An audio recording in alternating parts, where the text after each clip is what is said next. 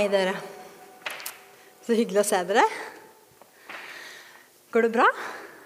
Dere er så stille og ordentlige og Det er fint det da, å være stille og ordentlig, men det var hyggelig å høre at dere, at dere er der. I dag er det allehelgenssøndag. Og som eh, Vetle så fint har sagt, så går vi i takt med kirkeåret. Og så gir vi denne dagen plass. Det er jeg så glad for at vi gjør. I år så sammenfaller den med den første søndagen i en ny serie som vi har kalt Hele mennesket. Guds omsorg for ånd, sjel og kropp. Å gi verdens suppe, såpe og frelse, det har, og er Frelsesarmeen sitt livskall. Og vi har latt oss inspirere av det. Så i dag så skal jeg snakke om frelse. Men så skal vi også snakke om døden. Vi skal snakke om savn. Vi skal snakke om sorg. Men mest skal vi snakke om livet.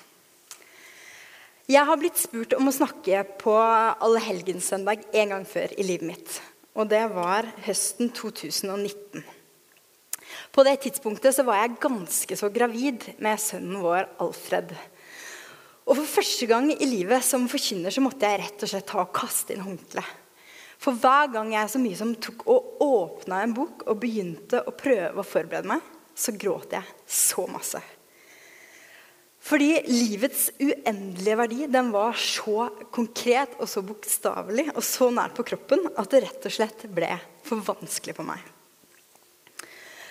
Og nå står jeg her igjen og som mange av dere vet, kanskje ikke alle, men noen av dere vet, så legger jeg og familien min bak oss et spesielt år. I september i fjor så fikk Alfred, um, da var han 20 måneder gammel, fikk han nyrekreft. Og dette er første gangen jeg er tilbake på talerstolen i Philadelphia siden det. Så det er en spesiell dag for meg å stå her. Han har én nyre mindre. Eh, vi har hatt eh, åtte måneder med cellegift, men nå er han helt frisk. Og det er nydelig. Og hverdagen sånn som vi kjente den, den har vi fått tilbake nå. Men vi er ikke de samme menneskene som vi var før. Og jeg vet at dere, sånn som oss, dere har blitt eh, merket av livet på en eller annen måte. Så i dag så tenker jeg at vi er litt i ettertenksomhetens lys. At vi skal få lov til å la denne dagens tone være i oss og med oss. Og jeg har også tenkt at For at jeg skal kunne stå støtt i eh, møte med dagens tematikk, så vil jeg kanskje i større grad enn tidligere ta og bruke erfaringer fra mitt eget liv. Så jeg håper det går greit for dere. Jeg kan ikke love at jeg klarer å si alt, eh, alle setninger og alle poenger uten å bli berørt, fordi jeg er av en sånn lettrørt type. Jeg har lyst til å starte med å si noe som en venninne sa da hun sto akkurat her hvor jeg står nå. Hun sto ved kisten til sin 28 år gamle søster og har holdt en av de fineste og modigste minnetalene jeg har hørt i mitt liv. Hun startet med å si Ironisk nok har jeg aldri holdt en tale til Marte fordi jeg har vært redd for å gråte. I dag er jeg ikke redd for å gråte. Så hvor begynner vi, folkens? Vi må begynne med sykehusklovnene. Jeg har en venn som heter Mats, som i tre år har jobbet som sykehusklovn på Rikshospitalet. Han har gått i gangene med syke barn og urolige pårørende. Og han har vært med inn i de rommene hvor døden ikke er en metafor, men den er måneder og dager og kanskje timer unna. Og Sist jeg var sammen med Mats, så fortalte jeg om den, det arbeidet med denne talen. her, og At jeg å, hadde skikkelig lyst til å behandle det med verdighet og med alvor. Og så ser han på meg, og så sier han de tre årene de har lært meg så masse. I rom hvor døden nærmer seg, så finnes nemlig bare presens. Det er forferdelig vondt, og så er det forferdelig vakkert. For å sitere en klovn døden lærer oss hva som betyr noe, og som virkelig betyr noe. I dag tidligere på formiddagen så har vi spesielt invitert de som har mistet noen det siste året. Og jeg vet at folk i dette rommet her også har mistet noen det siste året. Og på ulike måter så kom døden. Og på ulike måter har tiden vært etterpå. Men uansett hvordan selve liksom hendelsesforløpet utartet seg, så er det ofte en overveldende endelig erfaring. Skjønner du hva jeg mener? Og det er ikke så lett å forberede seg på. Og det er ikke så alltid så lett å leve med seg selv heller i en helt ny livssituasjon. Jeg har kun kjent på døden ved noen få anledninger i mitt liv. Første gang det var da jeg som barn holdt en liten nydelig kylling i hendene mine. Og mens jeg holdt den skjøre kroppen, så merket jeg at nå dør den. I et nå så forlot livet den. Og uten en eneste lyd så ble den umiddelbart lettere. Kun et øyeblikk skilte livet fra døden. Fra en form vi kjenner, til noe gåtefullt og uhåndgripelig. Uforklarlig og vemodig. Og så var det jo bare en kylling, men like fullt. Å kjenne på døden, det leder meg til neste overskrift. Jeg har nemlig lyst tok med meg, Jeg lærte av formiddagen. Jeg har tatt med meg papir. Jeg har nemlig lyst til at vi skal snakke om berøringsangst. Jeg var inne med Anita, lederen for samtalesenteret, tidligere i høst. Og som alltid med Anita var det en god og nær samtale. 'Hvem er det som kommer til deg?' spurte jeg Anita. Og hun svarte at jo, det er egentlig flest i alderen 20-40 som kommer til Anita. Og de eldre, da? sa jeg. Kommer de til deg? Det er ikke så mange som kom. Av de eldste. Det er ingen som vil snakke om døden, da. Nei, svarte Anita. Og det kan jo være at døden ikke bringer opp så mange spørsmål fordi troen på evigheten med Gud liksom besvarer alt. Eller så kan det være at døden alltid er langt unna. Og på merkelig vis så klarer den å gjøre seg upersonlig. Både ved at den er langt unna, men også ved at den gjelder kun alle de andre. Kanskje det er det som gjør at så mange av oss går utenom alvoret. Men sånn er det jo ikke. Alle skal vi møte dem. Og vi har ikke endeløst med tid. Sommeren 2009, da var jeg ung og lovende, 25 år, skulle flytte til Cape Town i Sør-Afrika for å studere. Før jeg pakket eh, kofferten og dro, så ville jeg dra til Bømlo, en liten øy ute i havgapet, ikke så langt fra Haugesund. For jeg ville besøke bestefaren min. Han hadde akkurat rukket å fylle 70 år. Han hadde bygget seg et splitter nytt hus. Og så hadde han blitt frisk fra prostatakreft. Han hadde bare glemt å si at han hadde fått skjelettkreft i stedet. Og Det siste halvåret så hadde han blitt drastisk svekket. Og mannen som jeg aldri hadde sett syk før, han bodde nå i sykeseng i stua med hjemmesykepleiere som kom gående gjennom dørene gjennom hele døgnet. Huset var annerledes, han var annerledes. Og så vet begge to at dette er siste gang vi skal se hverandre. Men så fant vi ikke ordene til å si noe om det. Vi hadde ikke ordene. Så hjelpeløs har jeg sjelden følt meg. For det ble siste gang vi så hverandre. Og i ettertid så har jeg fått høre at han ble veldig tung etter at jeg hadde vært der. Han fikk en sånn type sånn dødsdepresjon. Han skjønte liksom at nå er alt jeg opplever fra nå av, det er for siste gang. Og Denne opplevelsen den har kommet til meg nå når jeg har drevet og forberedt meg til i dag. For i dag så minnes vi de som vi savner, de som har gått foran oss. De livene som har levd parallelt med våre egne. Og Jeg reflekterte over den opplevelsen med besten og kommet frem til at det kunne ikke vært så veldig mye annerledes. Og Jeg kjenner ikke på bitterhet, jeg kjenner ikke på skuffelse, men jeg kunne jo ønske at vi hadde våget å være mer personlige i forkant av denne tiden. Sånn at når alvoret virkelig tok og banket på, så ville det være lettere å finne ordene for takknemlighet, for kjærlighet og få avskjed.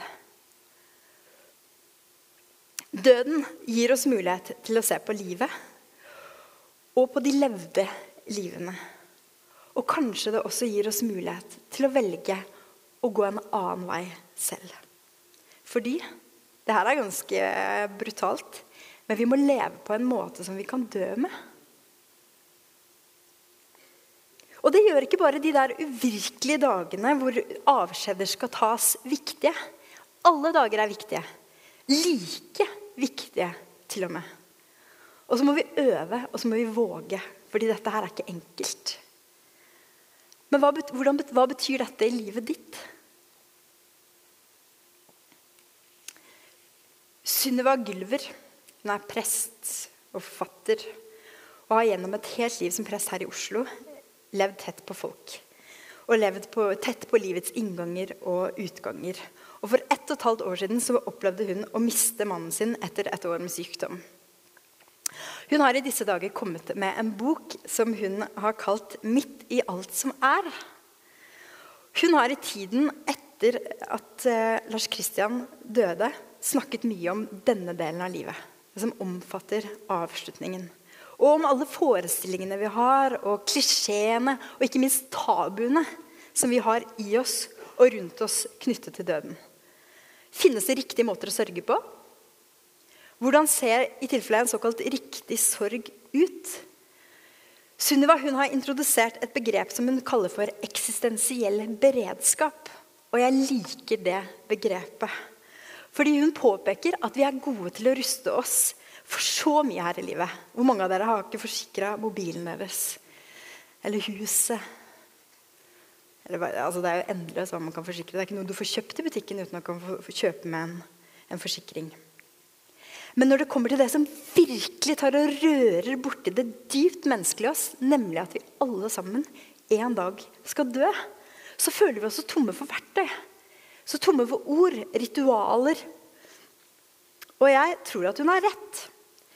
Og jeg tror at vi som kirke at vi må hjelpe hverandre til å få en bedre eksistensiell beredskap. Og Det er derfor jeg er så glad for at vi stopper opp ved denne dagen her også. Fordi vi trenger den. Vi trenger en sånn dag. Hvordan vil eksistensiell beredskap se ut i livet ditt? Hun spør hva trenger du når livet slår? Vil det være et alfakurs? Vil det være en samtale? Kanskje en, en, samtale med deg selv som du har unngått lenge? Kanskje det er å studere Bibelens tekster om døden? Jeg var på et arrangement i regi av Barnekreftforeningen tidligere i høst. Og de to dagene det er noe av det mest intense jeg har vært med på. Og det var en sånn uh, massiv erfaring av En massiv bearbeidelse av erfaringer av frykt som jeg ikke hadde hatt rom til å virkelig sånn begynne å kjenne på før Alfred hadde begynt i barnehagen og hverdagen begynte å komme. På vei hjem fra Gardermoen så kjører jeg tog med to mammaer som begge har opplevd å miste et av barna sine. Og De forteller om dødsøyeblikket, om hvordan søsken setter ord på hvordan de tror himmelen er. Hvordan de som foreldre må leve videre med de store, store spørsmålene. Og Det fortelles om behov for å snakke om det, for å orke å gå fremover. Men det fortelles også om et halvår med PlayStation og moren hun ler når hun tar og tenker over hvor høy poengsum hun fikk til slutt, fordi hun ble rågod på å spille PlayStation. Jeg er ikke PlayStation-typen. Men hvis jeg hadde stått i hennes sko i tre og et halvt år med livstruende sykdom, tilbakefall og dødsdom Kanskje jeg også ville trengt å spille PlayStation i seks måneder eller i åtte måneder. Poenget mitt med å trekke frem dette her, det er to ting. Det ene det er at vi må være varsomme i møte med medmenneskers behov for å finne sitt eget sorguttrykk. Det er første gang både de og du er i denne situasjonen. Og da finnes det ikke noe fasit. Bare medmenneskelighet som oppriktig søker å være der på den sørgendes premisser. Å være varsom det er ikke det samme som å være taus. Det er ikke det samme som å være avventende. Men det er å være var, og det er å være nær. Og så må vi ikke ta og undervurdere vår rolle i å kunne være hverandres beste medisin. Og kunne være hverandres morgendag. Og denne oppriktige tilstedeværelsen det tror jeg er kjernen i den eksistensielle beredskapen vi trenger i livet vårt. Det neste punktet jeg har lyst til å snakke om, det er bølgelengde. Jeg sa i innledningen at året som ligger bak, det har gjort meg til et annerledes menneske. Jeg føler meg rett og slett eldre. Jeg er bare 36 år, men jeg føler at jeg har fått et tiår på de siste tolv månedene. Og det tror jeg mange kan kjenne seg igjen i. At når vi blir eksponert for nye og altomfattende opplevelser, så går vi derfra med en sånn erfaringsrikdom som gjør at vi rett og slett føler oss mer levd. Kort tid etter at vi fikk vite at Alfred hadde fått kreft, så reiste jeg alene inn til Oslo to ganger for å møte to venninner. Og det var mer enn en sånn hyggelig kaffeprat. Det kjentes som en, som en sånn dypt behov, nærmest som en sånn trang. Jeg ville møte en venninne som hadde mistet sønnen sin fire dager etter at han ble født våren 2021. Og så ville jeg møte en venninne som hadde mistet mannen sin høsten 2015. Han var en god venn.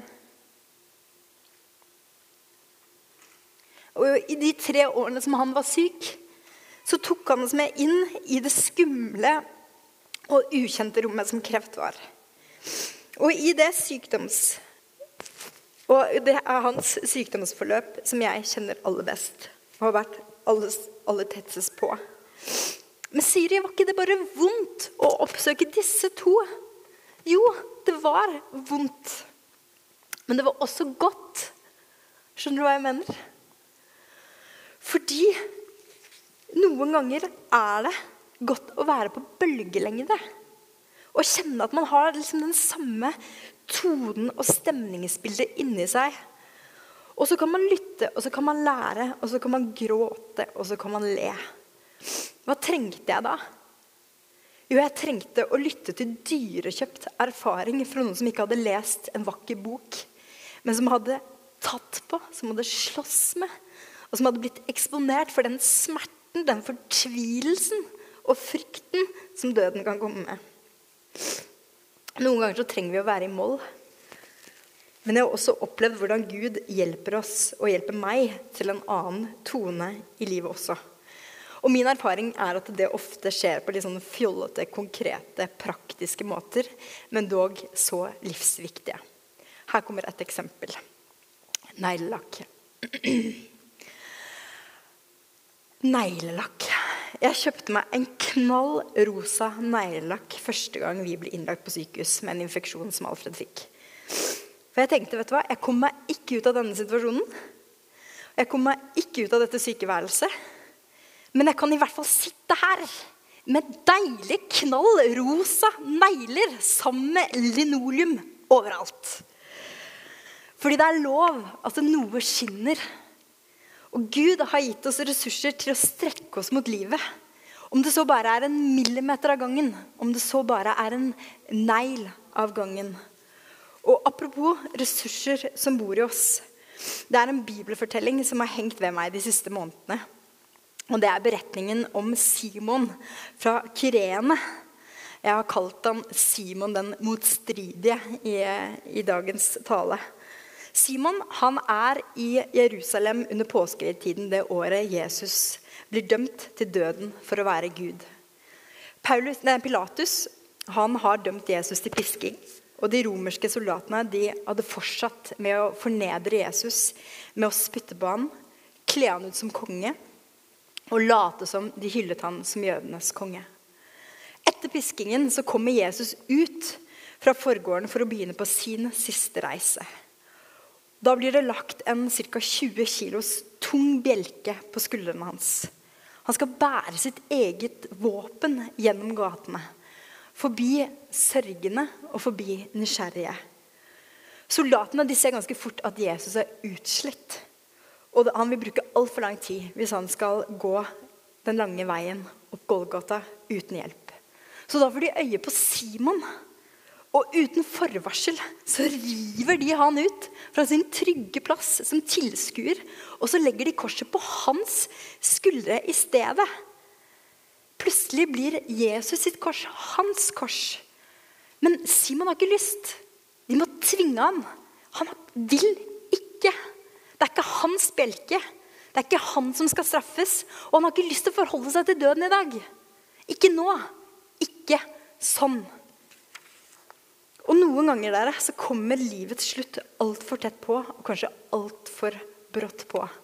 Kanskje det er foreldre som får en sykdom som gjør at det plutselig ser ikke livet ditt likt ut. Venner blir syke, barn blir syke. Men du har ikke blitt spurt om det. Plutselig er du bare der med en blytung bør. Og da har du faktisk ikke noe valg. Du bare må. Og du må gå hele veien. Helt frem. Men hvordan går du helt frem? Og hvordan gjør du det med hele deg og med Gud i hjertet? Man tar ett steg til. Opplevelsen av tap den skjer ikke bare når kroppene våre dør. Hele livet så opplever vi ulike former for tap og utfordringer som vi må håndtere. Jesus han snakker masse om dette her. Og betydningen av frelsen som han har lyst til å gi oss i tid og i evighet. Og Jeg har lyst til å dele noen vers fra Matteus 5, vers 3-10. Dette er noe å tygge på. Salige er de som er fattige i ånden, for himmelriket er deres. Salige er de som sørger, for de skal trøstes. Salige er de ydmyke, for de skal arve jorden. Salige er de som hungrer og tørster etter rettferdigheten, for de skal mettes. Salige er de barmhjertige, for de skal få barmhjertighet. Salige er de rene av hjerte, for de skal se Gud. Salige er de som skaper fred, for de skal kalles Guds barn. Salige er de som blir forfulgt for rettferdighetens skyld, for himmelriket er deres. Som jeg sa, så har ikke jeg mange nærkontakter med døden.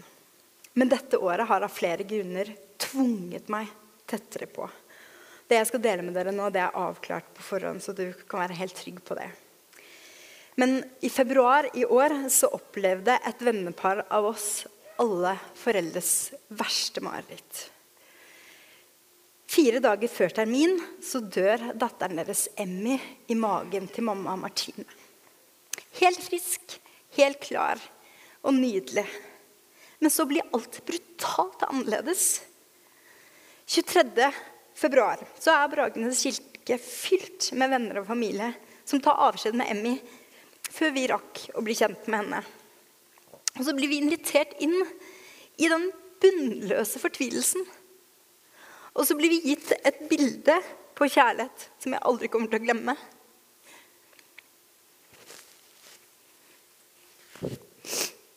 Og det er to foreldre som bærer en liten, åpen kiste inn og ut av kirken.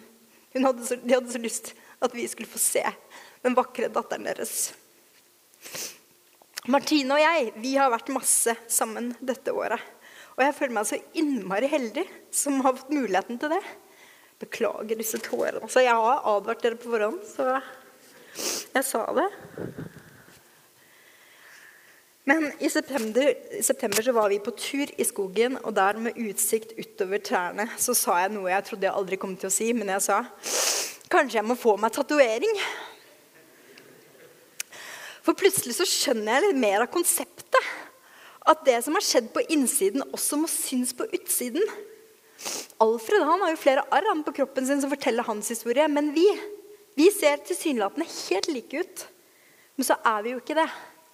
Og Martine kjente seg helt igjen, og jeg kan røpe at hun heller ikke er helt tatoveringstypen. Men det sier noe om at vi er hele mennesker. Hva som skjer med oss på indre eller ytre plan, det påvirker oss. Ikke bare som noe, eh, liksom noe i periferien, men det gjennomsyrer, og det former. Og dere vet at vi ikke driver i tatoveringsbransjen, eller driver tatoveringsvirksomhet her i kirkene våre, men vi gjør noe annet.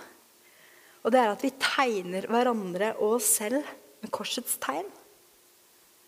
Og noen ganger også med olje, som et bilde på Guds salvelse og Guds ånd.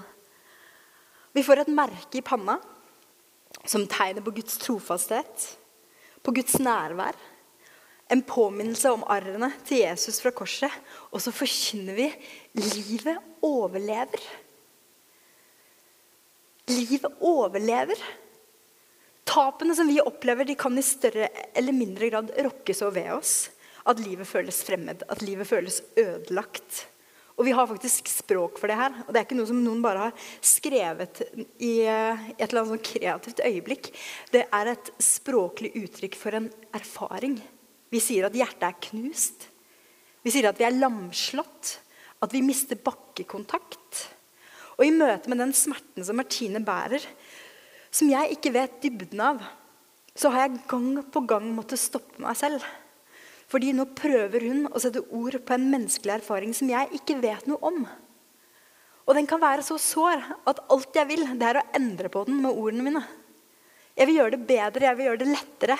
Men det nytter ikke med sånne velmenende floskler om at det helt sikkert finnes en mening med dette, eller at alt som skjer deg, vil gjøre deg sterkere. Bare vent og se, du, liksom. Hun kan en dag ha retten til å si det. Jeg har ikke det. Gud viser seg for oss i bilder, og noen ganger kan kunsten hjelpe oss når ordene stopper opp. Jeg har derfor lyst til å avslutte med to bilder i dag. Det er dette bildet her som er noe som heter kinsukuroi, som er en japansk kunstform som betyr gyllen reparasjon. Og Det er en kunstform der man tar ødelagt keramikk, og så tar det og blir reparert ved at sårene og skadene fylles med gull. Og Visdommen her det er at det som har skadet oss, det trenger vi ikke å gjemme bort eller å være noe å skamme seg over. For det er sårene som gir historien om deg gullkanter. Frelse det er at Gud viser oss at det alltid, alltid, alltid er nåde. Nåden som den endeløse kjærligheten som renner fra Gud og gjennom oss og fyller hver en sprekk og hvert et hakk.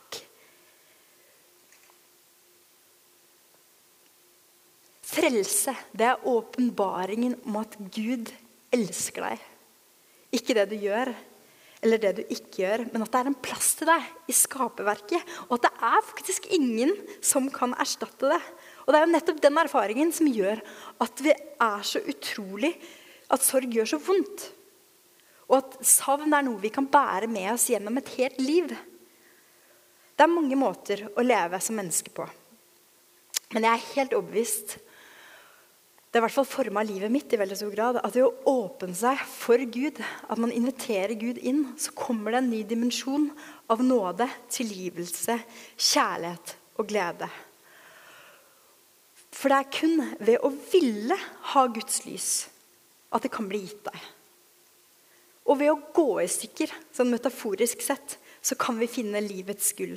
Og la nåden sakte, men sikkert lappe oss sammen. Spørsmålet om livet etter døden det har vært her lenge. Kanskje så lenge menneskene har vært der. Jesus han fikk en gang spørsmålet om hans forståelse av evigheten og om himmelen. Skal vi høre hva han svarer? Nei? Jo? Ok.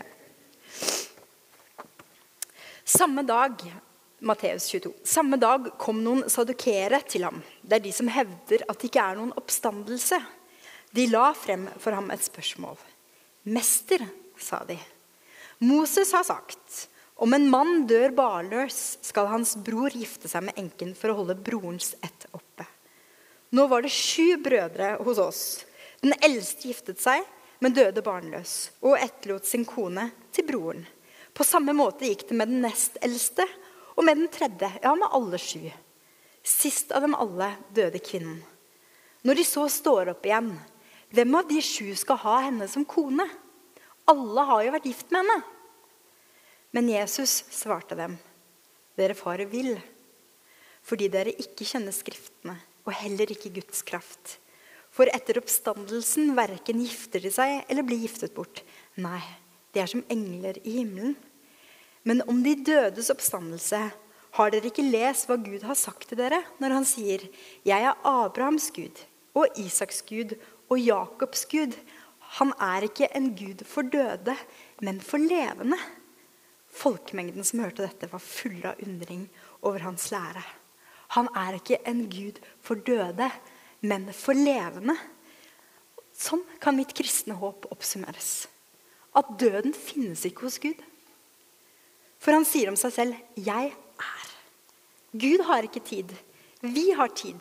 Vi forstår i tid, og vi lever i tid. Men Gud er evig presens. Det nærmer seg jul, dere. Men jeg må ta oss tilbake til påsken.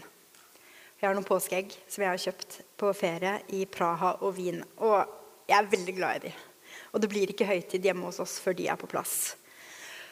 Påskeaften i år så går jeg inn i stua etter at vi har slukket lyset. Og det er helt mørkt utenfor. Men så går jeg litt nærmere, og så ser jeg at det er jo lyst ute. Det er bare nå, på natta. Og så blir jeg møtt av den klareste og sterkeste fullmånen. Og gjennom de knøttsmå hullene så skinner det lys midt i den mørkeste natta. Og da tar jeg opp telefonen min, og så tar jeg dette bildet. Bildet, nei, Egget blir i påsken brukt som bilde på livet. På det nye livet, på Guds skapelse. Og I år så ble dette egget altså en virkningsfull kulisse i vårt hjem. For å vise hvordan Gud finner en vei. Han finner alltid en vei han kan trenge igjennom. Om så med sitt månelys. Om så bare gjennom en liten glippe. Og så på gåtefullt vis kan han fyre våre skjøre og dyrebare liv med alt det han er. Og det ble et så sterkt bilde for meg.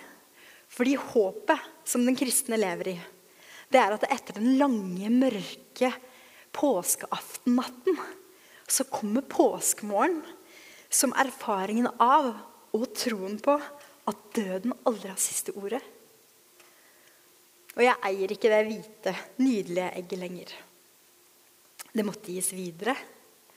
Og i dag er det Martine sitt. Som et bilde på tro og på håp og på kjærlighet. Så for å oppsummere dere Skal vi være litt modigere? Leve som at vi en dag, dag skal dø? Ta inn over oss alvoret av å leve i fred med oss selv, med hverandre og med Gud. Slik at uansett hvilken dag som blir vår siste, kan vi vende hjem med takknemlighet og i takknemlighet. Skal vi være litt nærere. Ville være i oss selv og være der for hverandre. Om døden skulle komme som en ubuden tyv eller som en mild, ventet og ønsket venn. Våge å stryke på, kjenne på, snakke, le sammen og gråte sammen. Skal vi være litt ærligere? Ikke bli lei av å gjenta at hver dag har skatter. Noen åpenbarer seg for oss i solskinn, andre i månelys. Og Guds kraft den kan fylle oss og styrke oss og reise oss igjen og igjen og igjen. Gud, jeg vil takke deg for livet. Jeg vil takke deg for at døden lærer oss hva som betyr noe. Og så ber jeg om at vi skal være åpne for å våge å leve. Leve fullt, leve helt, med åpne armer. Jeg ber om at du må komme med trøst Og jeg ber om at du må komme med livsmot. Takker deg for at du kjenner oss, at vi ikke trenger å måtte brette ut eller komme med en søknad, men at du kjenner oss.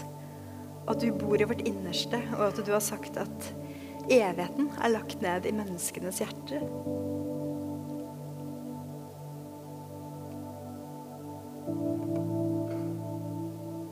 Herre, må din vilje skje i oss.